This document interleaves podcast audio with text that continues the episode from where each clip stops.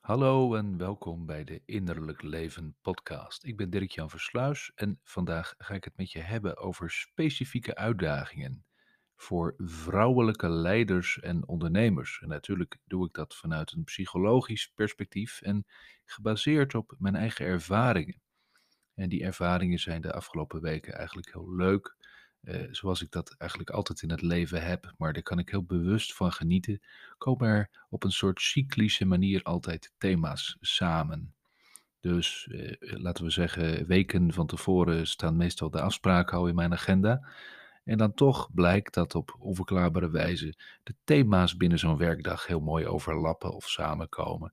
En ook tijdens onze retraites, waar we de afgelopen maanden weer eh, een heel aantal edities van hebben gehad, is het altijd opvallend hoeveel thematiek mensen meenemen zonder elkaar te kennen, wat toch eigenlijk mee resoneert en mee vibreert. Kortom, waar herkenning, waar triggers, waar overeenkomsten zitten, zonder dat je dat van tevoren zou zeggen.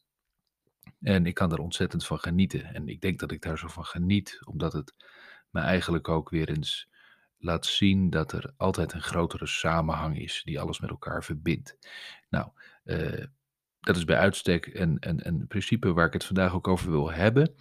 Want eh, vrouwelijke leiders en ondernemers. Ja, ik ben een man en eh, als ik naar mijn caseload kijk, om het zo te zeggen, mijn klantenkring kijk, heb ik denk ik ehm, voor een coach slash therapeut relatief veel mannelijke klanten.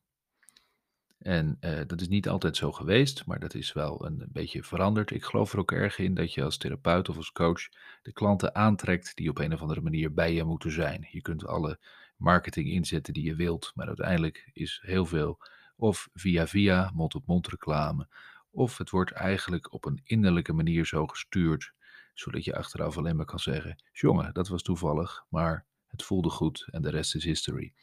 Nou, ehm, toch vind ik vrouwen in leiderschapsposities en in ondernemersposities echt een geweldig onderwerp om over te praten. En dat gaat me eigenlijk ook wel aan het hart. Ehm, en wat mij raakt is dan uh, allereerst dat er echt herkenbare thema's zijn waar onze vrouwelijke klanten mee kunnen worstelen, die zo universeel zijn qua herkomst. Dus ik zou wel een, een kleine preview kunnen geven. Het is onze ervaring dat heel veel eh, van onze vrouwelijke klanten, wat eigenlijk altijd mensen zijn die al heel veel ja, levenservaring hebben opgedaan, los van de leeftijd die ze hebben. Je kunt ook op jonge leeftijd veel levenservaring hebben. Ehm, dat er toch iets universeels zit op ingehoudenheid en tegengehouden worden in het spreken van je echte waarheid, het, het, achter, het achternagaan van waar je ten diepste van overtuigd bent, creatieve blokkades, um, voortdurend klein houden of de angst om too much te zijn. Het zijn van die thema's die je eigenlijk helemaal niet kunt toeschrijven aan alleen vrouwen, want dan zou het misschien een beetje te generaliserend zijn, of zelfs als we daarin doorslaan, een beetje seksistisch op punten. Um, maar ik denk toch dat het wel goed is om te laten zien dat er universele worstelingen kunnen zijn, die uh, in mijn ervaring echt al honderden keren zo de afgelopen jaren terugkomt. En wat misschien ook wel goed is om een keer over te praten. Dat bewustzijn van onze vrouwelijke klanten is vaak heel groot. Ze zien veel, ze voelen veel, al van jongs af aan. En ze hebben daar een relatie mee ontwikkeld. Natuurlijk kunnen mannen ook veel zien en veel voelen, maar de ontwikkeling ziet er vaak toch een beetje anders uit. En ik zie veel meer remmingen die echt wel tragisch zijn bij vrouwen. Dat daar een soort uh, onderdrukking, misschien niet in de fysieke zin, hè, daar zijn we, om het zo te zeggen, misschien een beetje te ver voor geëvolueerd inmiddels, mag ik hopen, althans, want je zult vast ook wel voorbeelden kunnen geven waar dat niet het geval is. Ik geloof ook niet in quota en, en al te veel praten over glazen plafonds, omdat het eigenlijk alleen maar, ja, ik denk, blijft hangen in verontwaardiging en energieverlagende toestanden waar je ook niet verder mee groeit. Um, ik geloof er ook niet in dat vrouwen een soort masculine stijl moeten ontwikkelen. Nee, ik denk eerder dat het ook wel nodig is om te zien dat vrouwelijkheid in leiderschap en ondernemerschap gewoon een heel interessant gegeven is, waar we langzaamaan wel meer naartoe bewegen, maar wat nog niet zo makkelijk is om een plaats te geven in de materiële wereld van het leiderschap, van het ondernemerschap, van de zakelijke wereld. En ja, dan kan ik wel zeggen, de, de, de, wereld van de business is wat meer masculien. Ja, dat vind ik ook. Ehm, maar je zou ook kunnen zeggen, de wereld van therapie en coaching is juist een beetje vrouwelijk getint. Misschien wel een beetje te sensitief en een beetje te slap af en toe. Pak nou eens door. Er is ook zoiets als ambitie. Maar als we al deze eerste grove schermutselingen even laten voor wat het is, dan zijn er toch meer specifieke dingen te zeggen over wat kun je nu zien bij vrouwen in een leiderschapspositie. En ehm, ik hoop vandaag iets duidelijk te kunnen maken van de psychologische thematieken die daarachter kunnen zitten.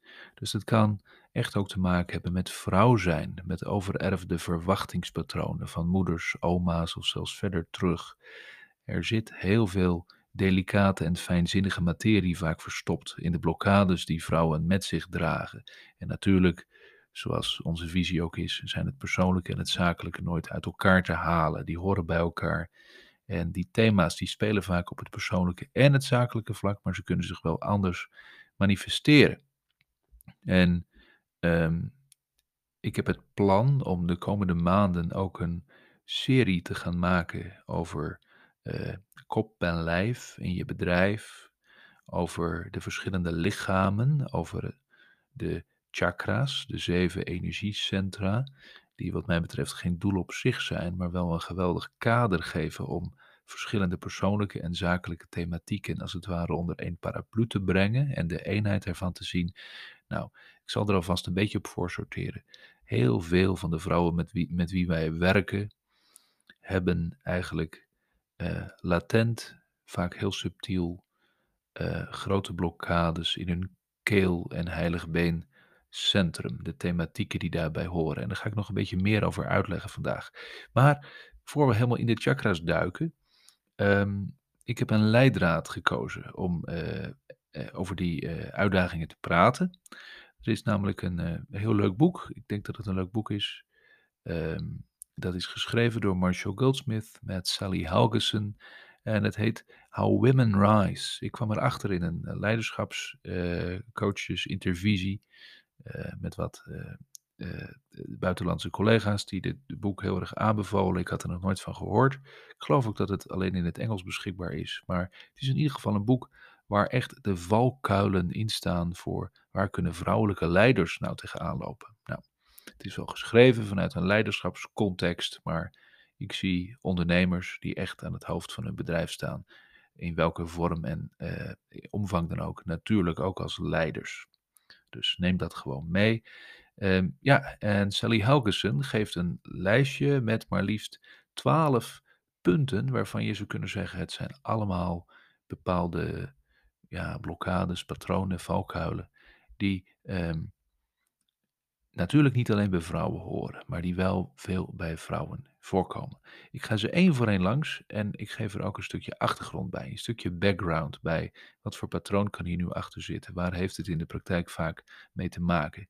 En ja, die toelichting is natuurlijk van mijzelf. Wat Sally Haugerson daarvan vindt, kan me voor het doel van deze podcast even niet het meest schelen.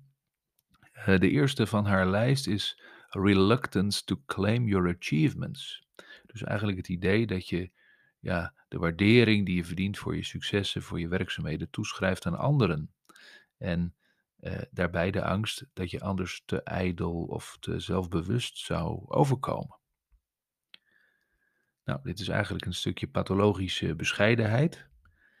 En uh, nogmaals, dat hoeft niet universeel vrouwelijk te zijn, maar het komt wel natuurlijk ook veel voor bij vrouwen. Daaronder zou je kunnen zeggen, daar is een soort angst om ruimte in te nemen en wezenlijk de angst om te zijn. Uh, het doet me wat denken aan wat in de behandeling van eetstoornissen wel eens naar voren komt. Wanneer uh, uh, jonge mensen bijvoorbeeld met anorexia, die natuurlijk fysiek gezien super mager zijn, gevraagd wordt hoe ze hun lichaam in subjectief opzicht beleven. En je laat hen een cirkel trekken op de grond om eigenlijk hun omvang eh, te laten zien, dan is daar een verschrikkelijk groot verschil tussen. Waar wij als buitenstaanders wellicht kijken naar zo'n lichaam en denken, nou, die is fel over been, is eigenlijk de beleving daarvan totaal anders. Is het nog steeds veel te veel, veel te groot en way too much. Ook daar zou je kunnen zeggen, daar is een angst om te zijn, om presence, om plaats in te nemen. En die thematiek is uh, heel vaak wel uh, op een subtiele manier verweven met levensthema's. Dus daar zouden bijvoorbeeld psychologische littekens of traumasporen kunnen zitten op het gebied van uh, de plaats die je hebt in het gezin. Er zijn natuurlijk tal van compromitterende situaties als het gaat om zieke ouders of broers of zussen. Ehm, rollen die verschuiven, waardoor je eigenlijk verschillende posities tegelijk moet innemen, behalve je gewoon jezelf kunt zijn. Ehm, wanneer daar ergens de tekorten insluipen en je wordt eigenlijk bewust of onbewust ingeschakeld om die tekorten op te vullen, dan kan daar een thema ontstaan waaruit je eigenlijk niet op een natuurlijke manier jezelf kunt zijn. En dat heeft vervolgens allerlei manifestaties. Overpresent zijn, onderpresent zijn. En uh, in dit geval je eigen bijzondere uh, prestaties niet durven claimen, uh, dat zou hierop terug kunnen voeren. En um, je kunt het wel gedragsmatig aanpakken, door bijvoorbeeld gewoon te gaan trainen om wel eens complimenten heel bewust te ontvangen of nadrukkelijk te zeggen uh, waarop je trots bent van jezelf. En dan krijg je een soort positieve psychologiebenadering en, of, een, of een, een, een white book, zoals het ook al wordt genoemd. Um, maar het komt voor dat uh, zeker wanneer de bewustzijnsontwikkeling van mensen wat uh, verder gaat en dus ook er eigenlijk veel meer gevoeld wordt, veel meer gezien wordt, dat er toch wel therapeutisch werk nodig is om die basis presence veel beter te kunnen ontwikkelen. En de traumasporen, de angst, de verkramping die als het ware in je hele lichaam ligt opgeslagen. Want dit is zelden een mentaal dingetje alleen. Om dat op een goede manier te helen en, en op te lossen, om het even populair te zeggen. Dus dat ten aanzien van de eerste, de, de terughoudendheid om successen te durven claimen. De tweede in de lijst van Helgesen is ja, um, expecting others to spontaneously notice and reward your contributions. Dus het idee dat anderen in de gaten hebben hoe groot je bijdrage is, zonder dat je er zelf wat over zegt. Nou, dat is eigenlijk heel erg in lijn met die eerste. Um, en ik denk dat het in deze lijst uh, van dit boek ook niet voor niks is. Dat het wel een beetje de dingen zijn die ook bij de vrouwelijke rol in de samenleving uh, lijken te horen. Um, ja, uh, het lijkt heel nobel en bescheiden. En in leiderschapskringen wordt natuurlijk ook wel gezegd: de beste leider is de leider die je niet ziet, die onzichtbaar leiding geeft.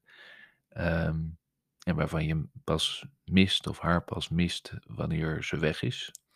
Um, maar ondanks dat het heel bescheiden en mooi lijkt, kan hier een hele dikke dynamiek van zelfopoffering in zitten.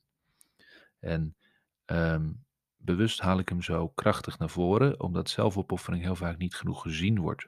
Zeker wanneer, uh, ik ga toespitsen weer hier op vrouwen, hoewel natuurlijk ook zelfopoffering bij mannen kan spelen. Maar zeker wanneer vrouwen een krachtig profiel hebben, eigenlijk veel bereiken, goede ondernemer, goede leider zijn, dus vaak ook gezien worden voor dat krachtaspect, kan er nog steeds wel degelijk een dynamiek van pleasen en zelfopoffering in zitten. En de vraag daarbij is uh, nooit, want er zijn natuurlijk al boeken en psychologie-tijdschriften te over, over geschreven, um, of die zelfopoffering aan zich een probleem is wat je aan kan pakken. Maar het is wat mij betreft veel meer de vraag, wat zit erachter, wat zit eronder? Dus zelfopoffering uh, is, om het in psychotherapeutisch jargon te zeggen, vaak een voorwaardelijk schema voor verlatingsangsten, voor bindingsangsten, maar ook voor de pijn van het niet gezien en het niet aangevoeld worden. Dus een, een soort emotionele verwaarlozingsdynamiek. En uh, dan staat die zelfopoffering en dat, ja, dat klein maken van jezelf, dus eigenlijk niet voor niks, maar dan staat het in de context van een relationeel patroon.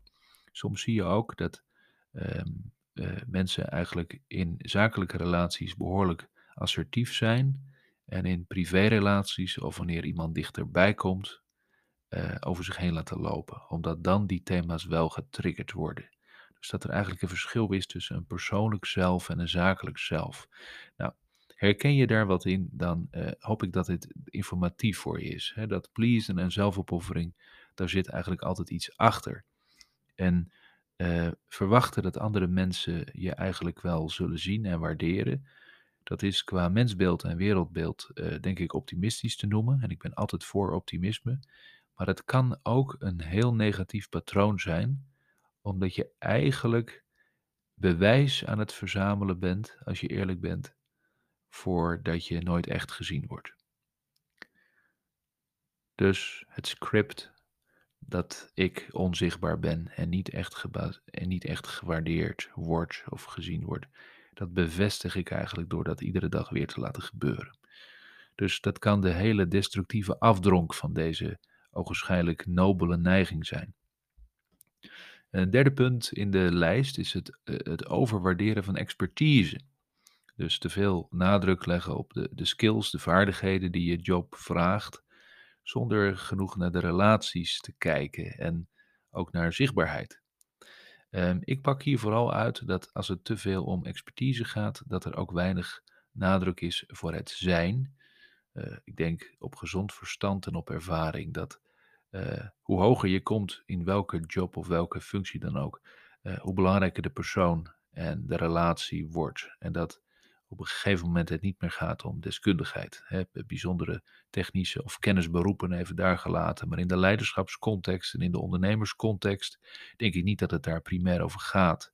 En uh, juist wanneer het lichaam een onveilige plek is, dus het hart en de buik en het onderlichaam, met het moedergebied zal ik het maar noemen, zijn eigenlijk uh, niet het makkelijkst om te voelen en mee te nemen in je dagelijkse leven dan is het, populair gezegd, nogal eens de verleiding om in je hoofd te gaan zitten. Vooral het denken. En er zijn natuurlijk hele uh, mooie, creatieve vrouwspersonen die toch op een wat meer masculine manier hun weg naar de top gemaakt hebben. En dat met veel denkwerk en met veel doorzettingsvermogen en inspanning hebben gedaan. En dat is ook een prachtig pad en het kan heel goed zijn. Maar deze derde valkuil, het overwaarderen en het, en het overmatig benadrukken van expertise als een mentaal ding, zeg maar, kan ook angstgedreven zijn. Omdat het zijn en het voelen, het lichaam en gewoon die zachte stroom van creativiteit en warmte een soort van eng en kwetsbaar is. Een ander punt uh, uit de lijst is eigenlijk wel um, energie besteden aan het opbouwen van een, van een zo groot mogelijk netwerk, connecties, eh, contacten, maar dat vervolgens niet op een handige manier inzetten en gebruiken. Nou, dat is misschien wat meer een business-related uh, thing, maar ik denk er als therapeut ook nog iets anders bij. Wij kennen in therapietermen het, het begrip contactgroei. Dat wil zeggen, als je iemand voor de eerste keer ziet, dan is dat natuurlijk uh, nou, een eerste indruk. Daar kun je heel veel in weten, heel veel in voelen, heel veel in beslissen. Daar uh, is zowel uh, gewone levenservaring als ook sociaal-psychologisch onderzoek heel duidelijk in. Maar het kan ook zijn dat um, er met elke ontmoeting eigenlijk contactgroei is. Of sterker nog, dat is eigenlijk wel normaal. Hoe beter je iemand leert kennen, hoe intiemer, hoe vertrouwder en hoe meer verbonden dat wordt. Want iedere uitwisseling bouwt als het ware nieuwe connecties. Nou, in therapietermen is het altijd de vraag: treedt er, als je als therapeut in contact bent met een cliënt of patiënt, of welk woord je daar ook wilt koppelen, um, treedt er contactgroei op. Bouw je iets op samen. Want dat is eigenlijk dus een kenmerk dat er zoiets als een min of meer normale basis van vertrouwensontwikkeling is. Dat er gehecht kan worden. Ook al is dat bij een coach of bij een therapeut natuurlijk in principe een soort van tijdelijk verhaal en is er een professionele relatie. Je wilt eigenlijk toch dat daar een, eh, een crescendo in zit, dat dat toeneemt en dat met elke ontmoeting dat verstevigt.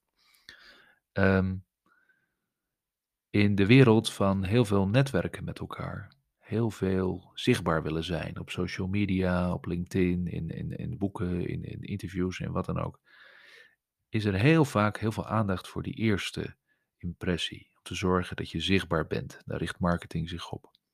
Maar die contactgroeifactor is eigenlijk ook belangrijk heb je, en dat zit hem, denk ik in de regel niet in een funnel of iets dergelijks, maar de connecties die je hebt, bouw je daar ook een wezenlijk beter contact mee op? Is daar contactgroei? Um, ik zou dat element eruit pikken als het gaat om deze vierde in de lijst.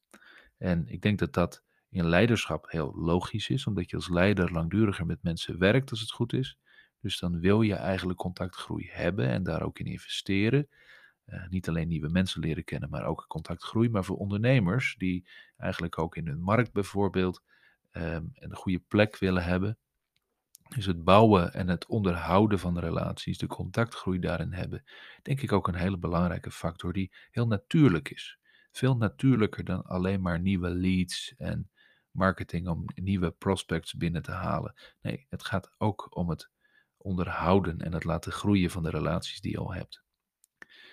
Nou, uh, een vijfde punt is uh, ja, vermijden om hulp te vragen. Nou ja, um, kunnen we denk ik kort over zijn.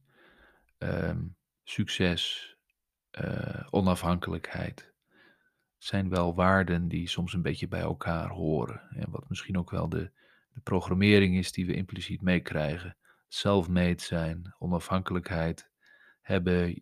Je, weet wel wat je hebt en niet wat je krijgt. Het, is ook een, een moedige stap om je als het ware kwetsbaar op te stellen en hulp te vragen. Zeker wanneer je in een leidende positie zit, ehm, toch is die zachtheid en die kwetsbaarheid, de nederigheid om mensen als het ware te betrekken en hulp te vragen, is vaak wel heel erg openend. Mensen worden involved, raken betrokken bij je. En er is dus veel meer interactie en dus ook veel meer energietoename in te vinden, omdat je samen tot iets komt. Er kunnen alleen heel veel angsten onder zitten. Angst om kwetsbaar te zijn, bijvoorbeeld, of angst om controle te verliezen. Uh, een angst die ook veel voorkomt bij uh, moeilijk kunnen delegeren, wat toch uiteindelijk in een vertrouwengevend leiderschap een belangrijke skill is. Nou, uh, je baan voor je carrière plaatsen, dus overmatige loyaliteit aan je huidige positie, aan je huidige werkgever, zonder voldoende opening te houden om ook door te groeien, nieuwe kansen te ontdekken. Nou, ik denk dat dat wijst op een overmatig dienend perspectief. En loyaliteit is natuurlijk heel goed. Um, ik denk ook dat dat past bij waar we het net over hadden: het, het bouwen, onderhouden van de relaties. Um, maar het kan, en daar hebben we eerder een aflevering over gehad, over um, eigenlijk pleasen en je missie, uh, meen ik dat de titel was. Dat waar gaat die toewijding, waar gaat die loyaliteit nu naartoe?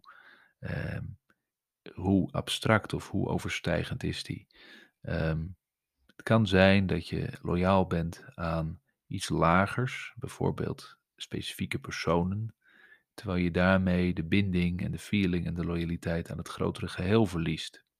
Of dat je te lang blijft hangen in het uh, toegewijd zijn aan iets tijdelijks, terwijl er eigenlijk een groter perspectief longt, waarvoor je toch gewoon uh, ja, oude dingen moet loslaten. Kill your darlings. Nou, dat kan hiermee te maken hebben en er kan een angst voor groei achter zitten. Ook weer dat ik weet wel wat ik heb, maar niet wat ik krijg. Um, de valkuil van overmatig perfectionisme. Ja, dat is een, een adembenemend ding. Het is denk ik de meest bekende voor al onze klanten, mannen en vrouwen. Hoge eisen, uh, perfectionisme, uh, verstikkend streng zijn eigenlijk voor jezelf. Maar deze is wel heel belangrijk, want er zit nogal wat verwarring op, omdat perfectionisme ook wel uh, natuurlijk in relatie wordt gebracht tot succes. Als je topvoetballer wil worden, moet je elke dag trainen en dan moet je dat heel serieus doen. En als je toppianist of dirigent wilt zijn, ik weet het uit ervaring als muzikus, dan is natuurlijk op een bepaalde manier alleen het beste goed genoeg. Dus hoge eisen stellen jezelf. Dat lijkt heel gezond als je ambitieus bent. Maar een uh, basishouding hierin zou kunnen zijn. Uh, en er is eerder ook een aflevering over geweest in deze podcast over extreem hoge eisen. Um, alles wat verkrampt, kost vertrouwen. Dus perfectionisme kan verkrampt zijn. Dan is het angstgedreven. Betekent dat je dichtslipt, dat je de verbinding met jezelf, met je innerlijke vermogens, met je inspiratiebronnen van binnen eigenlijk verliest. Um, En angstige leiders en eh, ondernemers met personeel, als daar angst insluipt, dan verspreid je dus ook angst onder je mensen. En dat lo- loopt op, een gegeven moment iedereen met, met samengeknepen billen. Ehm, ik zou meegeven, ehm, hoge eisen en perf- perfectionisme is hartstikke functioneel als er een liefdesaspect in zit. Dus liefde voor kwaliteit. Of gewoon een enorme verbondenheid op een hele fijne manier waar je naartoe wilt en begrijpen eh, what it takes to get there. Dat is anders dan een samengeknepen billen perfectionisme, waar trouwens, even als zelfopoffering, altijd traumasporen onder zitten. Dus als je dat herkent, alsjeblieft, doe daar wat mee, want dat neem je jaar in, jaar uit mee. The disease to please noemt Sally Helgesen ook. En uh, pleasen is misschien, als je de psychologie-tijdschriften moet volgen, wel een beetje een, een vrouwending. Um, ik zou hierbij gewoon even willen refereren aan waar we het zojuist over hadden, over het stukje zelfopoffering, wat inderdaad met pleasen verband houdt. En neem ook even mee, um, als je pleasen bij jezelf herkent, uh, hoe zit dat in de zakelijke en in de persoonlijke context? Daar is in mijn ervaring vaak een verschil tussen verschillende zelven die we hebben. dus daar hoef je niet heel psychiatrisch naar te kijken, alsof je allerlei dissociatieve elementen met gespleten persoonlijkheden moet herkennen in jezelf, hoewel dat altijd mag en dat is veel minder abnormaal dan misschien uh, gewoon is om te geloven. Maar je kunt wel een, een, een onderscheid of een fragmentatie hebben in het zakelijke zelf en het persoonlijke zelf. Of wanneer mensen dichterbij komen, wanneer er contactgroei is, dat je mensen beter leert kennen, dat er dan andere issues gaan spelen. Um, zij noemt in die lijst van 12 ook nog jezelf kleiner maken, je aanwezigheid versmallen. Die thematiek hebben we al besproken.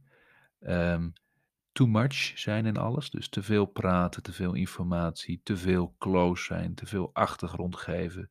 Dus eigenlijk een rookgordijn van too much eromheen.